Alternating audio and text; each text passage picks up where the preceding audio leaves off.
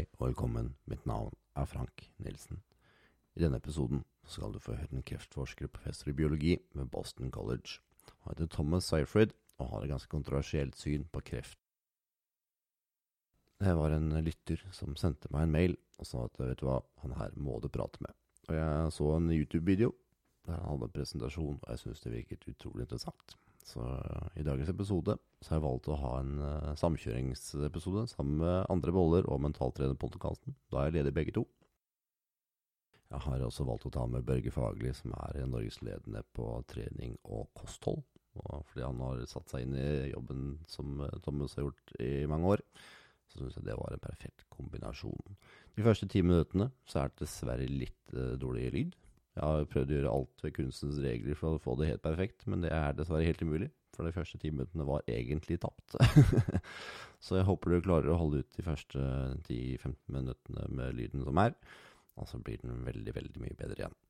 Så bare én ting å si. Om du hører på andre boller i Metallterapeutkasten, så tusen, tusen takk for at du hører på, og kos deg masse med Thomas Seyfried og Børge Fagli.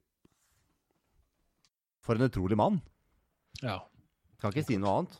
Uh, vi kommer sikkert til å få mange som ikke er enig i det han sier, antar jeg. Og de som oh, ja, ja, ja. Det er selvfølgelig mange eksperter der ute som uh, fremdeles uh, spinner videre på samme historie. Men jeg har jo, jeg har jo sett de casene de har fra Ungarn, på, på avanserte, altså som er i, i siste stadie liksom, av, av kreft. Som får total regresjon, altså. Ja, det gjør det, ja. Ja, ja med, med liksom et veldig strikt ketogen kosthold. Kun, kun kjøtt. Fettrikt kjøtt. Ekstremt fettrikt kjøtt. Og jeg tenker for deg som hører på, håper jeg du ser det her med et uh, åpent sinn. Og selv mm. om du har en annen tanke om det, så ja, jeg tror det, det, er verdt, i hvert fall når det gjelder en såpass uh, alvorlig sykdom, å, å, beholde et ydmykt, åpent sinn for, for, å se om kanskje man i hvert fall kan lære noe nytt. Uh, det, det, det, her er vel det, punktet i livet der man skal gi slipp på alt av dogmatisk tankegang. Og Det var også grunnen til at jeg ønska å ta det med. Og det var pga. at uh, det var en lytter som uh, sendte meg en mail og sa at han hadde blitt kvitt en form for kreft. Fordi mm. han hadde fulgt uh, den oppskriften til professoren her. Ja. Og det var en veldig aggressiv type kreft, så han uh, skulle egentlig ikke levd så mye lenger. Men han uh, ble frisk. Og så sendte han mm. meg mail og sa som så at uh, jeg har gjort sånn og sånn og sånn, og sånn ganske detaljert. og mm. han her burde du prate med. Ja. Og så sendte Ja, man skal selvfølgelig ikke gi folk for mye håp heller. Det, Absolutt det kan være litt skummelt når det gjelder mm. sånne ting, men mm. Man er i hvert fall en stor uh, supporter av det, den jobben de gjør, de teoriene de legger fram, og de faktisk resultatene de har å vise til. Ja, Det var bakgrunnen for at jeg da inviterte til en prat. For mm. jeg så da en YouTube-video ganske raskt, så en presentasjon av han, og han er jo en veldig ærlig mann som uh, kaller det spa for en spa, og er han ikke enig, så er han ikke enig. Og jeg, mm. og jeg likte måten han presenterte det på, og som sagt, uh, Børge, så vil jeg gjerne ha deg med på den samtalen, for jeg vet at du har gått veldig inn i det her. Og derfor ble det her en, uh, en podkast uh, mellom Mentaltrenerpodkasten og andre boller. Er som, mm. uh, derfor jeg tenkte at begge to har på en måte nytte av den kunnskapen ja. og, og, informasjonen. da. Mm. Så likte jeg veldig godt å ha det med i samtalen, for det, du har dykka mer inn i det her enn meg. og det er liksom litt forskjellige Det ligger mitt hjerte nært, det her også. Så, så, det er klart, alt, alt henger sammen. Det er derfor at jeg òg uh, ser på helhetsbildet. Det er ikke kun diett, det er ikke kun trening. Det er liksom det er stress og det er søvn. og det er altså Mitokondriene som man snakker om, altså helsen til mitokondriene, det er å ha en, en høy turnover og, og sunne cellekjerner, som det her er, da, er essensen i, i, god helse i dag. Det er såpass mange ting som påvirker oss at, at, vi må liksom adressere alt. Vi kan ikke peke en finger på enkeltstående faktorer og si at der er liksom eh, der er det feil, liksom. For det, da, da det er ikke sånn det er. Og det ene jeg ofte ser at det går igjen av Børge sammen som det er jo stress. Den går jo mm. ekstremt ja. ofte igjen, nesten uansett hvor, den, hvor, du ser på den. Da. Ja, ja. Det, det er nesten venn du prater med, så er det stress som ofte går liksom igjen. Ja, og det som er skummelt med stress, er at det er ikke alltid sånn at du, du, du sitter med høy puls og opplever deg sjøl som stressa. Det, det, er rett og slett bare den, the daily grind, eh, der du ikke adresserer emosjonelle knuter og, og kan i stor grad skyver bort det som du, du faktisk trenger å hente litt ut. Så, så det, ligger utrolig mye forløsning i å ja, rett og slett bare ha en samtaleterapeut og få snakka ut om forskjellige ting som du går og bærer på. Altså, emosjonell bagasje er helt, også helt sentralt i, i metabolske sykdommer og kreft. Ja, og få oversikten. da. Ofte så hjelper det som å får snakke med noen for oversikt over ting. Og jeg har begynt å dykke litt mer ned i Carl Jung. Jeg har lest mye om Carl Jung før, men uh, mm. jeg syns Carl Jung er en utrolig spennende mann. Han ja. øh, var jo han som sto bak i personlighetstypene, blant annet. Han var også en ganske alternativ mann. Og han var jo også den som kom fram med dette med drømmer og underbevissthet. Og det med underbevissthet er noe jeg finner utrolig interessant. For det, du kan gå rundt og ha det en vanlig dag, og så kan det gå noen sånne småtanker rundt som du egentlig ikke legger merke til. Og så kan du kjenne at jeg er litt oppjaga, men jeg skjønner ikke hvorfor jeg er oppjaga. Jeg er irritert, men jeg skjønner ikke hvorfor. Og så er det noen underbevisste tanker som går og spinner. Og vi har veldig ofte mye stress i underbevisst. Og Derfor syns jeg nå Carl Jung er ekstra spennende, og hvordan han på en måte tolker det med drømmer. Jeg skal ikke si at jeg skal bli noen drømmetolker, men det er interessant å se på hvordan han, eh, hvordan han tolker ting. da. For det er noe med ja. at uh, han sier at når noe mentalt går igjen og igjen, og igjen, og det samme tingen går igjen, så er det fordi at du mm. mentalt ikke har funnet noen løsning på det. Og Det var det ja. som Carl Jung mente om et drømmer, at hvis det er noe som går igjen, så er det på en måte noe du ikke har forløst. Og det, det må du på en måte finne en logisk forklaring på for ditt eget uh, det er, ja, og hvis du i hele tatt opplever mye motstand på samme tema hele tida Jeg har jo f.eks. To, to veldig sentrale tema som jeg bruker en del. og det, er, det ene handler om hvilket forhold har du til døden, den eksistensielle delen av det å leve er jo at vi også skal dø. Hvordan forholder du deg til, til, den sannheten? For det er, det, er det noe vi vet? Sola går opp og ned, mm, mm. du skal dø. Kommer ikke ut eh, og nummer, nummer, to er det her med tilknytning og, og relasjoner. Og det å kanskje bli svikta i uh, sentrale, viktige, essensielle deler av din oppvekst kan også skape en del traumer som, som i senere tid utspiller seg i alle mulige symptomer som omtrent ikke skulle tro hadde noe å si. da. Men uh, kan, kan jo si at jeg i hvert fall er veldig åpenbart i mange av de kundene jeg har som har med spiseforstyrrelser å gjøre. Og body dysmorphia. Det, det ligger veldig ofte kobla mot en eller annen form for frykt for å, å miste noe du er glad i.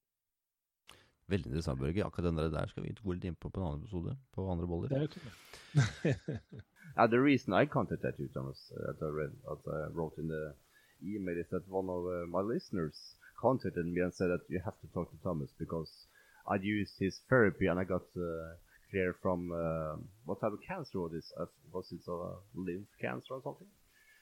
and he used your your program and he's he's fine. So that's the reason that I found out about you yeah. so it clear, so it clearly works.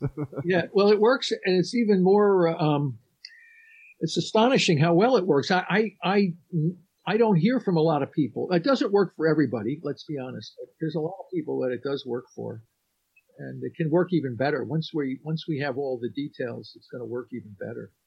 But how did you stumble over stumble over this? Uh, oh, we, didn't, we, didn't, really stumble on it. we, we, came to know. Um, you know, you, you work in the, in the lab and you observe things for decades and you start to put pieces of the puzzle together.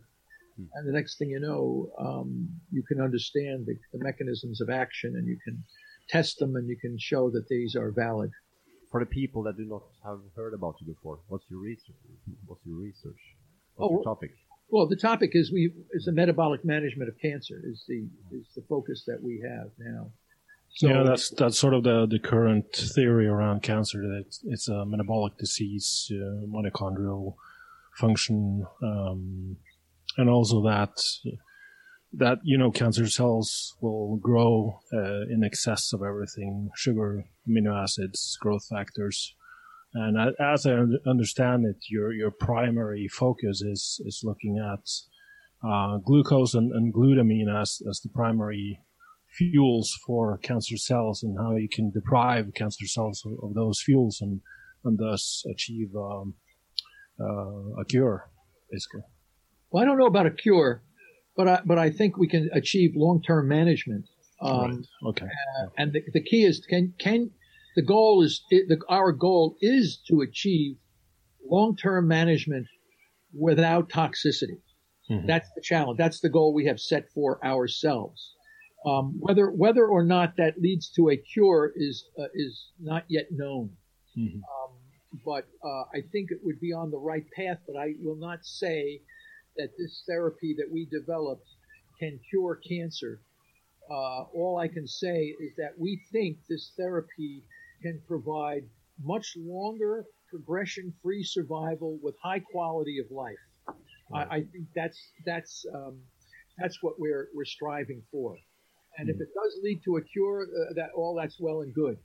But um, I can't make a, a, blanket statement that my that our that our metabolic therapy can cure cancer. But I think it can do a hell of a lot better than any of the other therapies that are currently being used. Yeah. Um, uh, why is that, Thomas? Well, first of all, we're targeting the fundamental problem of the disease, um, and that is an it's an energy destabilization disease. So we have found that all, uh, uh, most, if not all, cancer cells have defect in their mitochondria, either the number, the structure, or function. Mm-hmm. A, a fundamental principle of biology is that structure determines function. This is a, a foundational principle in the field of biology. And when you look at the organelle that's responsible for the metabolic homeostasis of the cell and the body in general, and that organelle is dysfunctional in, in, a number of different ways, but yet the cell survives, then you have to say, how does the cell survive when its very source of, of uh, efficient energy is compromised? Mm-hmm. And that goes back to the fact that there's only two major ways to get energy oxidative phosphorylation or substrate level phosphorylation which is an ancient metabolic pathway that existed before oxygen came into the atmosphere. And we found, and others have found, uh, Warburg first, that uh, cancer cells use uh, substrate level phosphorylation for generating energy. It's either in the cytoplasm, which was referred to as aerobic glycolysis or the Warburg effect, or now that we and my, my colleague uh, Christos Chinopoulos at Semmelweis University we have defined uh, that that there is a fermentation of amino acids in the mitochondria, uh, and predominantly glutamine. So um, that's called mitochondrial substrate level phosphorylation, and that's a recognized biochemical principle that has been overlooked by the by almost the entire cancer field. As for the reasons, the causes of cancer, I mean, it's it's it's spanning from yeah, stress, it's uh, your you know, circadian rhythms being desynchronized. It's, it's EMFs, it's environmental toxins, mm. but also foods. And yeah. uh, again, referring back to my work with Medicina, um, where they're actually using the foods, uh, i.e., meat and, and fats, as a, as well, not a cure, but a way to um, to to sort of sustain this disease or hold it back. And whereas in the news and the media, meat and eggs is what's causing cancer. How how can that be? Um, well, can you yeah. how can you reconcile that? Well, I, I think as I as I've shown uh, in in my book and papers, you're 100% correct. I mean, cancer can be caused by so many different different kinds of things. I mean, we've recognized, or uh, others have recognized, that some of these processed meats contain carcinogens, right. uh, certain nitrates and things like that, and they damage mitochondrial respiration. Mm-hmm. So we, I went through the list of so-called carcinogens, um, and and all of these carcinogens, uh, in some way or another, damage the efficiency of oxidative phosphorylation. Mm-hmm. So, um, and as Warburg said, if the damage is too acute, the cell dies and you'll never get cancer. But if the if the if the chronic if it's a chronic uh, disruption, then the cell has the capability of upregulating a fermentation pathway, and that upregulation of fermentation is driven by oncogenes. So uh, the oncogenes are transcription factors for fermentation pathway. So they, they come on only after mitochondrial respiration has been compromised. So you can compromise mitochondrial respiration by various groups of carcinogens, viral infections, systemic inflammation, radiation, uh, age, uh, hy- uh, intermittent hypoxia. All, all of these kinds of, of, of disturbances can uh, cause a chronic disruption of energy in a certain population of cells. Now, there are some cells that rarely, if ever, become cancerous, like neurons of the brain or cardiomyocytes of the heart and certain muscles, because they can't live without oxidative phosphorus. They're incapable of sustaining a, a, a, a, permanent fermentation metabolism. So they die. But many other cells in our body, most of the organ cancers and things like that, they all have the capacity to upregulate fermentation. Therefore, they have the capacity to become cancer, whereas some other cells in our body don't have the capacity. Hmm. So, so what can a like a normal person do nowadays to? I mean, because it seems like everything causes cancer these days, and, and by the sound of it, there are many things that can go wrong. So, uh, what, what can I mean? Is a vegan diet the, the answer? Is a low carb or ketogenic diet the answer?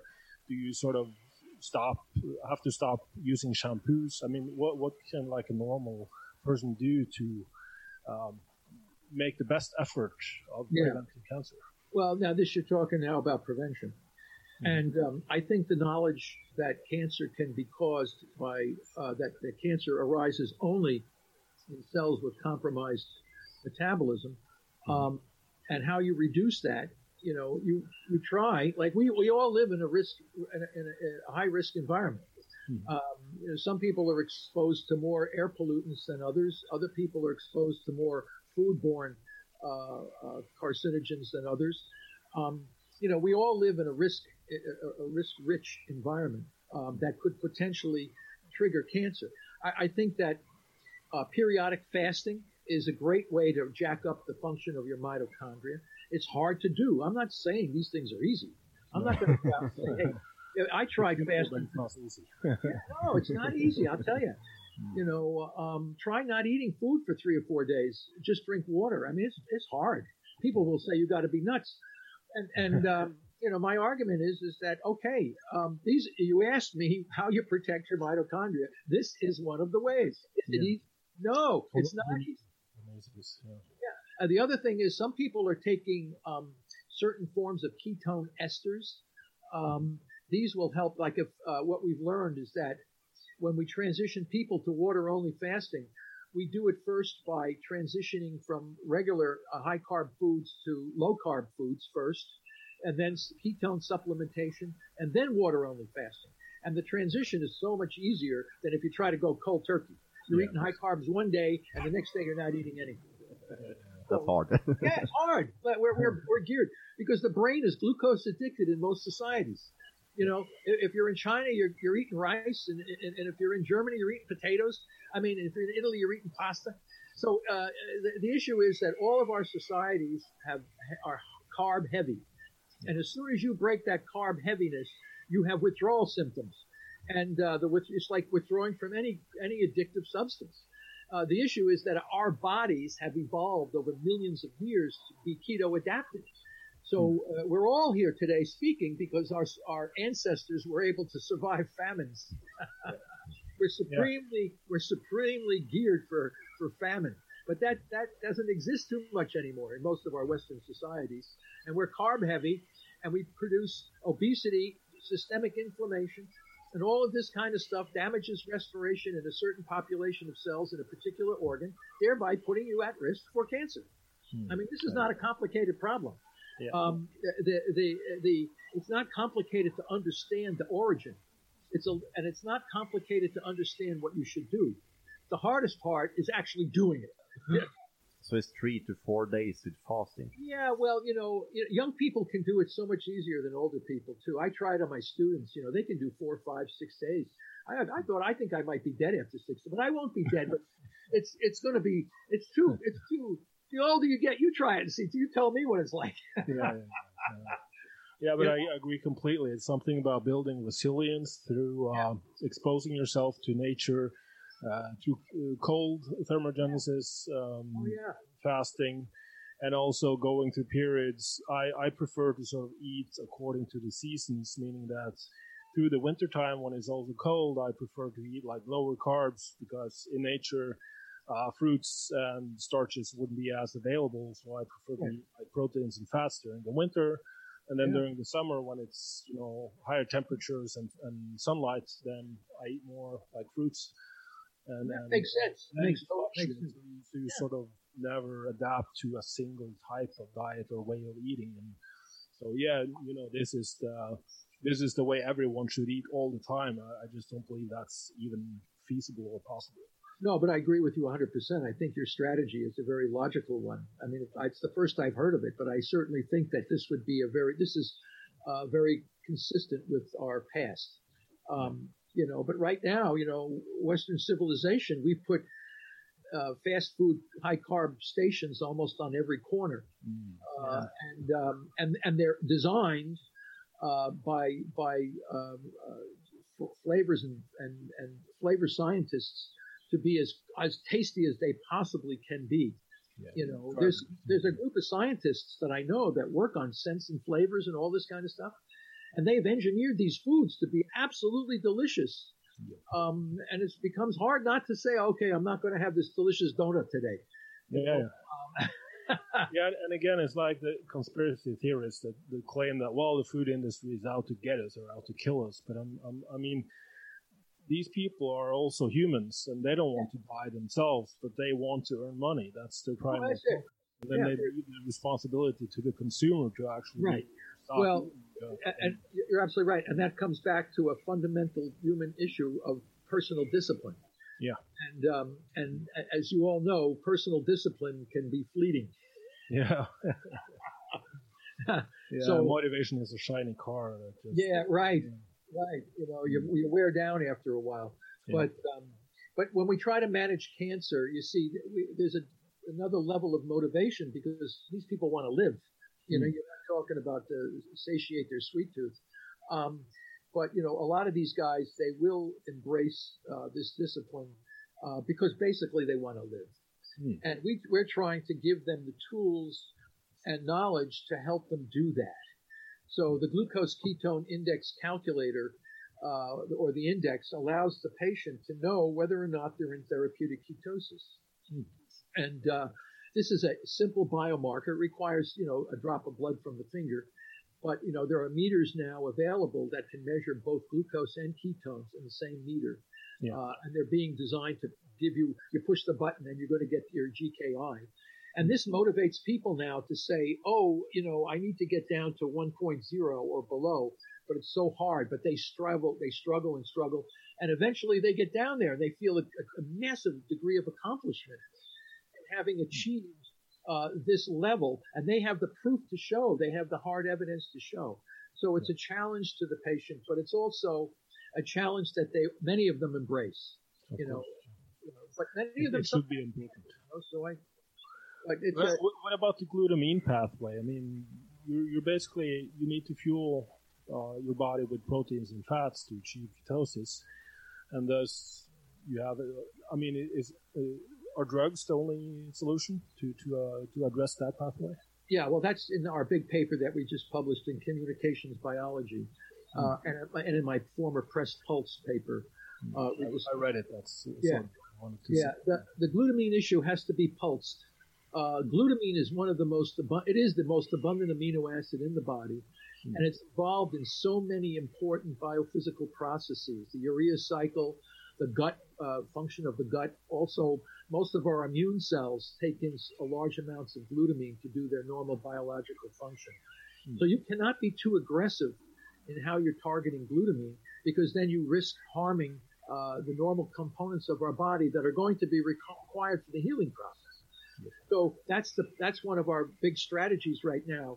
How we can choke down the glucose pretty effectively uh, because the cells don't need it as long as they're transitioned to ketones. And then once the patient is in therapeutic ketosis, then we pulse uh, experiment with these procedures on their patients, mm. knowing how far we can go with a glutamine targeting drug, how we have to back off. You know, uh, supporting what we did in the preclinical studies, we can now move forward in the patients. And yeah. more and more different kinds of glutamine drugs are being developed. Uh, and we have to validate whether these are going to be successful in managing cancer. We know now from our big paper that we published that a patient that is in therapeutic ketosis this facilitates the delivery of the glutamine drug on target, which is very interesting. So hmm. we think most of the, I think the, the, the, basic platform is going to be therapeutic ketosis, then followed by a strategy of low dose drugs that will degrade slowly uh, the, the ability of these tumor cells to survive and grow, and then eventually degrade the, the tumor in, in, a slow but steady fashion while maintaining the health and vitality of all nor, or organ systems. This hmm. is important. Yeah. So, so, in other words, the patient will emerge from the therapy healthier than when they started. um, what we're finding is many cancer patients are imbalanced in many, many different ways. Some have type 2 diabetes, there's triglyceride elevations, there's all kinds of metabolic imbalances. Oh, and they also have metastatic cancer or something like this. Yeah. So, so the process is to correct all those imbalances while at the same time logically and strategically degrading the tumor and doing it so we don't harm the normal systems. This is a great challenge, but mm. it can be done because we have the plan. So um, it's not like it's space science or anything. We don't have to develop anything more. We have most of the tools already available. It's just that people don't know how to use these tools for the effective management of the disease. What kind of cancers do, do this work for, Thomas? I think they work for all cancer. I mean, we haven't found a cancer yet that has a normal number and structure of mitochondria. So every cancer is a fermenter. So this is what uh, people are baffled by because they've been led to believe, based on the gene theory, that uh, cancers are a hundred different diseases, all having different. That's all based on a on the misinformation from the gene theory. Okay, mm. when you look at cancer as a genetic disease, it's hopelessly complex. Hopelessly complex. When you look at it as a metabolic disease, it's basically a simple disease. They're fermenting. There's only two primary fuels to ferment: glucose and glutamine. So if you hmm. pull the plug on those strategically, you can essentially manage the disease without toxicity. Hmm. Now, before anyone just starts doing a keto diet as a lifestyle habit just to sort of prevent cancer, are, are there any reasons why they shouldn't, basically? I mean, should it's, like the ketogenic diet, the, uh, the yeah. perfect human diet? You well, you know, we didn't get in, into this um, to set up um, a lifestyle. But you know, since the field is now progressing, I see more and more of this. Um, there's a lot of people out there uh, using the GKI to say, "Oh, look at my GKI; it's so low. I'm so fit. I can do this and that." These guys don't have cancer. They're just uh, they just want to be more healthy. Yeah. And a lot of people are using these keto things for losing weight. Mm. Um, you know, just to say, "Oh, I can lose a lot of weight with keto." You know, um, I'm not really too I don't really engage too much in that kind of stuff. Hmm. Um, you know, we got a bigger bigger fish to fry in this whole yeah, cancer yeah. thing. Obviously. Um, and um, um, but I don't want the the diet. Uh, and and the other thing too is the term diet has been a turnoff for the whole field mm. uh, of yeah. cancer because the word diet has always been some sort of a, um, a provocative term that means we really don't have any idea what the hell you're doing. Mm, um, yeah. and um, uh, so um, uh, a, a, a, physician from from Berlin, uh, Sebastian Winter, uh, coined the term keto keto metabolic therapy. Ketogenic metabolic therapy is KMT. That mm. takes the word diet mm. out of the out of the equation here, because mm. now we have biomarkers to know whether a person can be in therapeutic ketosis. Mm. And how you get into therapeutic ketosis can be many different ways. Not there's many different kinds of diets that can bring you into therapeutic ketosis. So it's the idea is are you in KMT? Are, are you are you in therapeutic ketosis? So uh, that that's just um, you know one one way of doing this. Mm. Should we do intermediate fasting? You think uh, for the people well, that do not have cancers? Yeah, but you go do intermediate fasting and see what your GKI is. Um, you know, uh, mice and humans are very different. You know, uh, you know, we can get in. The mice can get into therapeutic ketosis in a, with a forty percent calorie restriction. Humans we have to get a water only fasting because the differences in basal metabolic rate. So if you do intermittent fasting, yeah, intermittent fasting people think 18 or 20 hours of fasting. No, no, no. You got to go three days, do it three days. That's what I call intermittent fasting. You want the benefits? Yeah. You got to get into therapeutic ketosis. So um, look at your GKI and tell me what your GKI is, and then I'll tell you whether you're in therapeutic ketosis. So, um, but anyway, I mean, there's a lot of ways to get there, but all of these different ways will make your mitochondria healthy and thereby uh, prevent cancer. And if you do have cancer, you're enhancing the health and vitality of your normal cells while putting tremendous metabolic pressure on the tumor cells.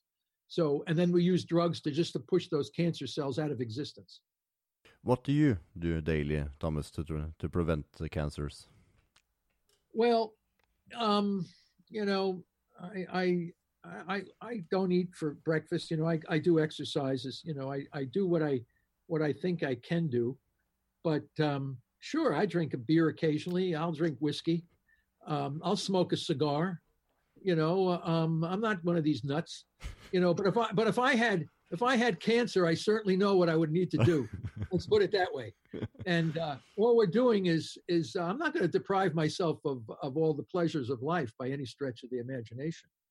Um, yeah, and I, I, totally agree. I mean, because people tend to get paranoid. Yeah. Uh, I mean, especially uh, for for if, if, you've had a lot of cancer in your family. Like my father died of cancer. I have three aunts that died from cancer. Yeah. And it's and it's too just too easy to become completely paranoid and and you know basically go on week long fasts and and and all, do all of these strategies just because you, you you fear getting cancer so much that the stress generated by that very fact tends to make you more cancer prone. But yes, you know, just yes. taking it easy and relaxing will do. Absolutely. As a matter of fact, in our press pulse therapy, as you've already read, mm. stress management, stress management is one of the key components for resolution. Yep. Um, we found that so many cancer patients are so uh, freaked out by their disease, impending doom and death, mm. uh, puts this tremendous anxiety on themselves and the family making this person have high corticosteroids, which elevates blood sugar, which contributes to the growth of the tumor. Exactly. So, um, what we do is we take patients and we bring them into uh, stress management by a variety of different procedures, uh, hmm. which whichever comfortable for the patient, and, and then we move them to therapeutic ketosis while at the same time managing stress. Mm. So this brings their blood sugars down into it, and the patient now begins to take charge of their own health, and they understand the power. But they don't do it by themselves. You know, we have a number of professionals. There, there should be a hell of a lot more than there are, mm. but um, uh, only because most of the professionals themselves are not familiar with what we're trying to do here. Yeah. Um, but when they understand, that's why we've started this uh, global society for metabolic therapy to train uh, and familiarize large numbers of physicians, caregivers, and nutritionists into the fundamental concepts of what we're trying to do and why we're doing it, mm. and showing various the success. So we can develop protocols that will be effective for the majority of, of people with all kinds of cancers. Yeah, that's amazing, and and I mean it's it, it was a complete game changer for myself. I mean I've, I've been coaching people for twenty years. First, you know, started off being just you know looking great naked uh, uh, going on diets and and hard training programs but but it soon transitioned into more of a holistic type coaching where addressing stress is at the very foundation of of addressing uh, the rest of the physiology so that they mm. just become overall more healthy and have a more healthy perspective on both their foods and their training it, it's like addressing that central aspect of their whole mental game just made everything else fall into place. Yeah. Oh, extremely important. Extremely important. Yeah, that's a prevention in itself. You know, that's of a powerful course. prevention. Hmm. I would just uh, also um, take the opportunity to encourage all of our listeners to, um, to um, support your research, and, and uh, we will provide some links in the show notes so that they can donate and, and support you in, in in uh, your endeavors. I mean, it's you're doing extremely important work, and and I'm, I'm really impressed with uh, both your papers and and your work, and listening to your podcast. And, and, and well, thank uh, you. Yeah, thank you very much. This, this is just way beyond the the, the current uh, therapies uh, offered to patients. Yeah, well, you know, you're absolutely right. And in in the United States, you know, we have 1,600 people a day uh, dying from cancer. Um, uh, every day, every single day. Uh, it's about 1,650 people. And when I went to China uh, and spoke to the mayor, they have over 8,000 people a day dying from cancer in China. Wow. And, uh, and every nation that we see, the, the numbers of deaths continue to increase, the number of new cases continues to increase. And yet on the news, we always hear all these new breakthroughs and all this kind of stuff you hear. Hmm. And, um, they they're not they're not um, um, they're not linked to reality. Um, most of the therapies that you hear about are linked to cancer as a genetic disease, which can explain uh, the tragedy that we currently have. Um, cancer is not a genetic disease. Now, while immunotherapies can help some people, they can also facilitate quick death for a lot of other people. Why? And Why is that, Thomas? Well, they call they cause hyperprogressive disease. This has been published on a number of cases. In other words, they make your cancer grow faster. Now, um, in, my mind, and most of the immunotherapies are only designed to give you a few extra months of life. And, and the fact that you would even treat anyone with the remote possibility that this drug would accelerate your disease is unconscionable. Mm. So um, uh, I'm not saying people have not benefited from um, immunotherapy, uh, but I'm saying that you know it has significant risks to accelerate the disease. This has been published in top scientific journals, and I'm not saying that traditional standards of care with radiation and toxic chemo have not cured some people of cancer. I mean, we have large numbers of so-called cancer survivors. The issue is that their bodies have paid an enormous physiological price for Hmm. that so-called cure, and uh, they now become candidates for all kinds of other ailments that, that they never had, but for the fact that they were treated with toxic poisons and radiation. Yeah. So, uh, um, So yeah. so uh, you don't get out of this scot free. We're offering, uh, based on hard the, the hard biology of the disease and understanding of the fundamental biology, an alternative route um, that could achieve uh, the same kind of end goal without the baggage of all this physiological damage to your body.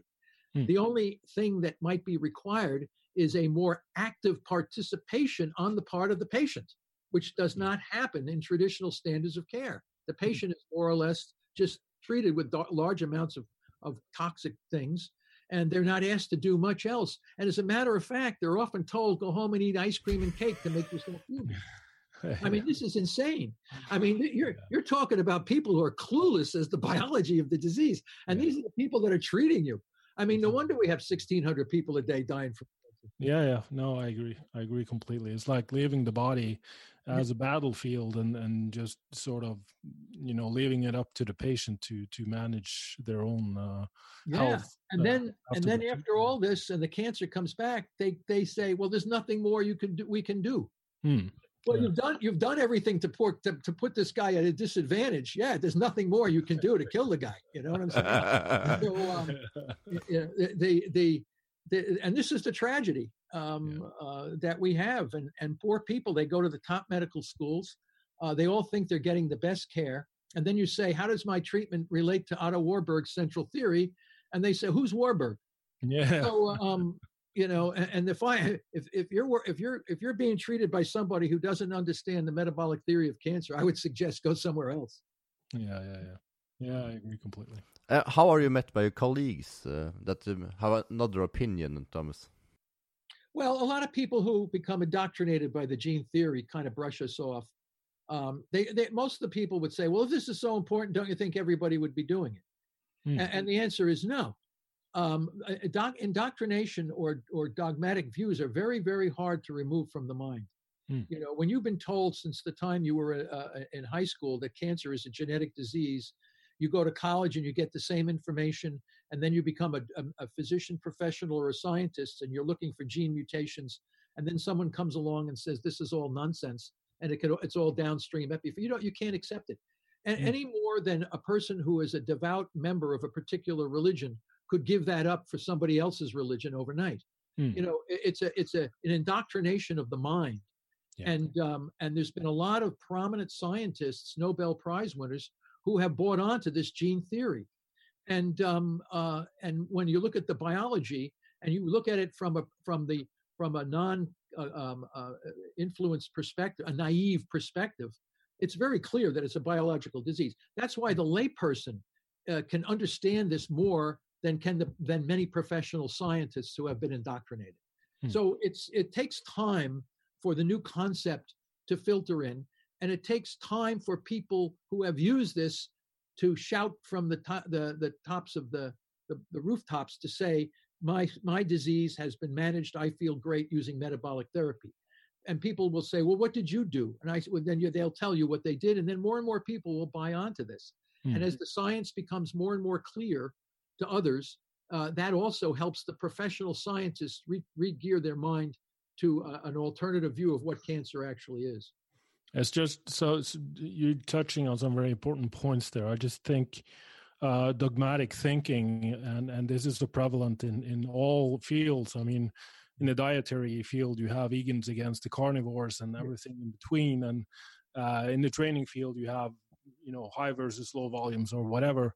And I think it's it's it's so so sad to see that if everyone just tried to see okay what do we agree on and what's our common goal here? And that's to sort of elevate our understanding and to to actually become better human beings and healthier human beings and then start to look for okay wh- where can we learn more? What's w- what is there to learn instead of just clinging on to your own beliefs and, and then claiming you have the answer and everyone else is wrong is just baffles my mind that, that it's it's still such a strong uh, like e- egotistical um, quality that that just permeates. Well, well, you know, you, uh, those of us who have you know investigated the field for decades um, and understand the the the the, the tortuous uh, uh, route that cancer has taken over the over the over the decades, can we can understand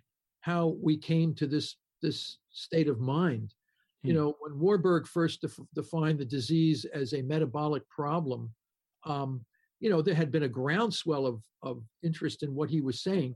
But in all fairness, um, there were many examples where uh, people showed cancer uh, still grows even if you take away all the glucose.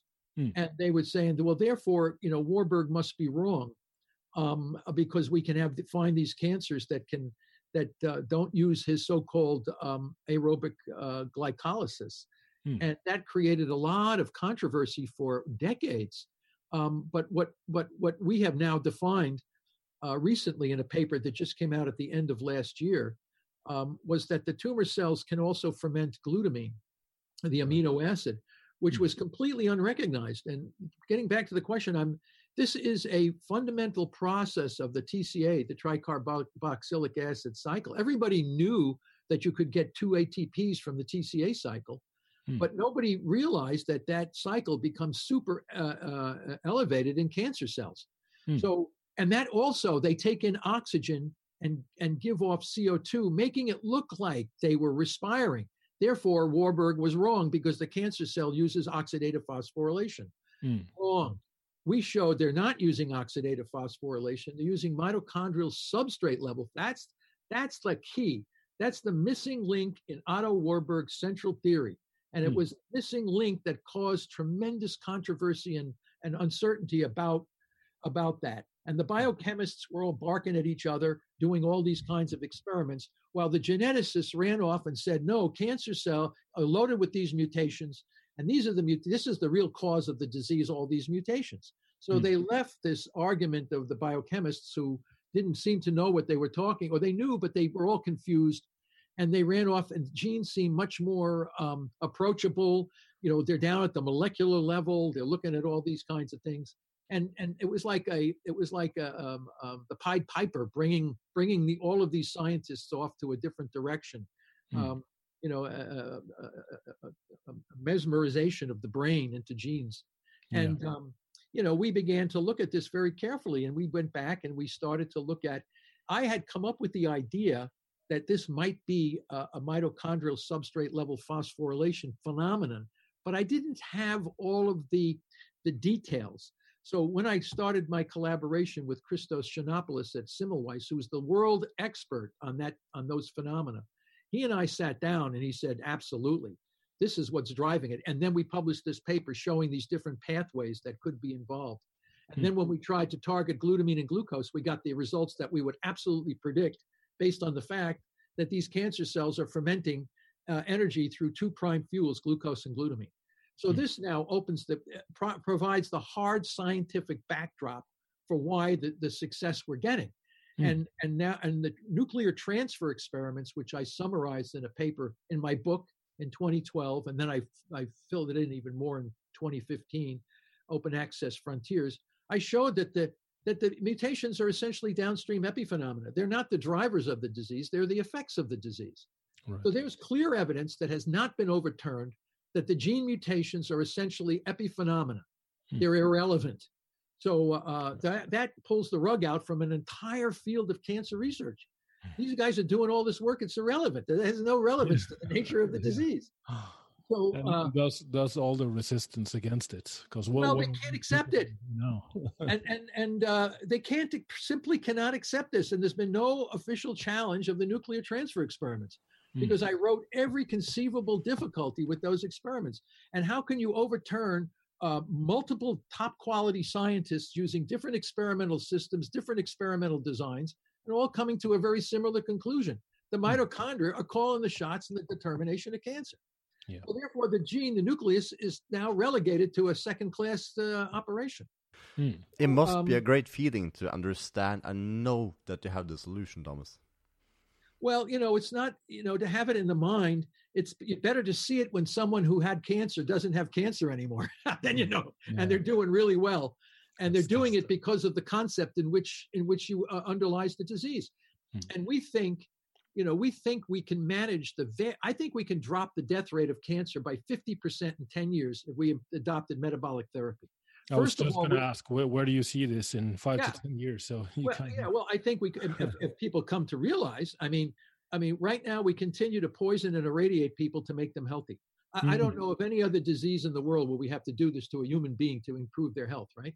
Yeah, so, um, you know, this is nuts. And, yeah. and, and what are they trying to do? They're trying to stop the proliferation of cell growth out of control.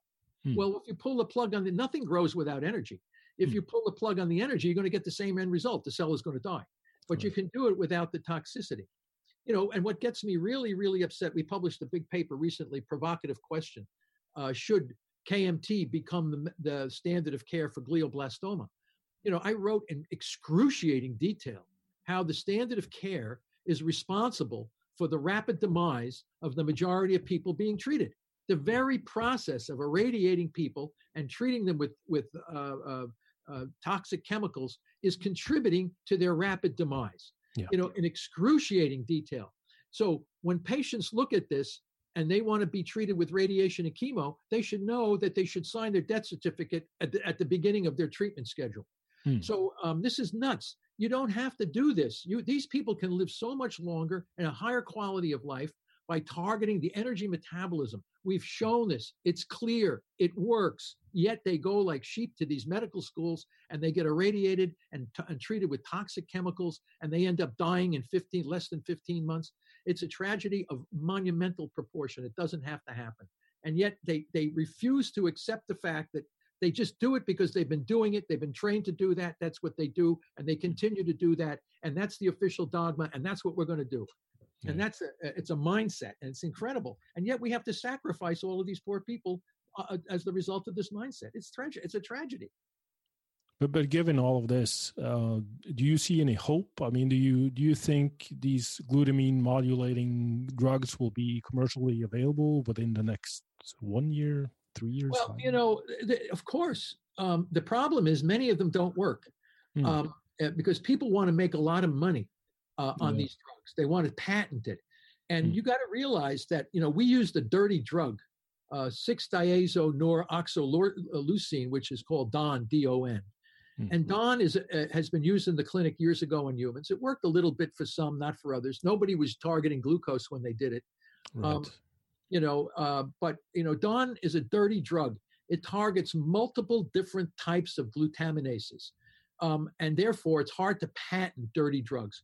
But if you want to live, you use dirty drugs. True. Okay, the patient doesn't care if you're going to make a lot of money on the drug. They just want to know if they're going to survive. Yeah. So if you have a drug that can allow the patient to survive, use that drug. I'm mm. not saying we, we, we shouldn't try to patent a novel kind of a drug that can do what this other drug does. I'm not against this kind of stuff. Hmm. I think that if we have something that works, why don't we use it? And if you can come along with something better, then patent it and we'll use that. Hmm. So, uh, um, but right now, let's use something to target glucose and glutamine, and the outcome should be a lot better. Right. You know, so um, so this is the strategy. I think you know the bottom line is how many lives can you save, and how long can you keep people alive with a quality of life. Hmm. That's it. That's our hmm. focus. You know, so, if we can get funds to do that, that's great. But we're not in the business of trying to patent a. If we could, we probably would. But you know, we've got something that works, and we're just trying to tell people that you can manage your disease with metabolic therapy far better than you can with standards of care. Yeah. And they said, well, where are the clinical trials? um, where are the double-blind crossover uh, to prove that you're saying what you're saying? Hmm. Well, first of all, who's going to set up the trial? Guys that have no clue about the about the biology of the disease. You're Hmm. going to have all these incompetent individuals that are going to be trying to do this, and they don't know how to do it, or the reason, or the understanding of what they're doing. Hmm. So my my focus has been to take a few people, uh, really work out the system really well in small groups of people, show Hmm. that it can work, and then publish these as case reports. They serve as the foundation and the framework by which we can set up larger clinical trials. So Mm. we cannot do large clinical trials, and double blind crossover makes absolutely no sense.